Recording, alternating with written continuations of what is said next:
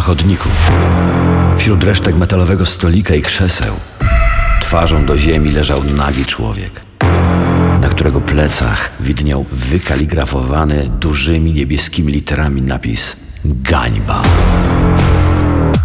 Kryminalna historia o seryjnym mordercy ze Śląska. Wkrótce w Radiu Piekary. Zapraszam. Dariusz Niebudek.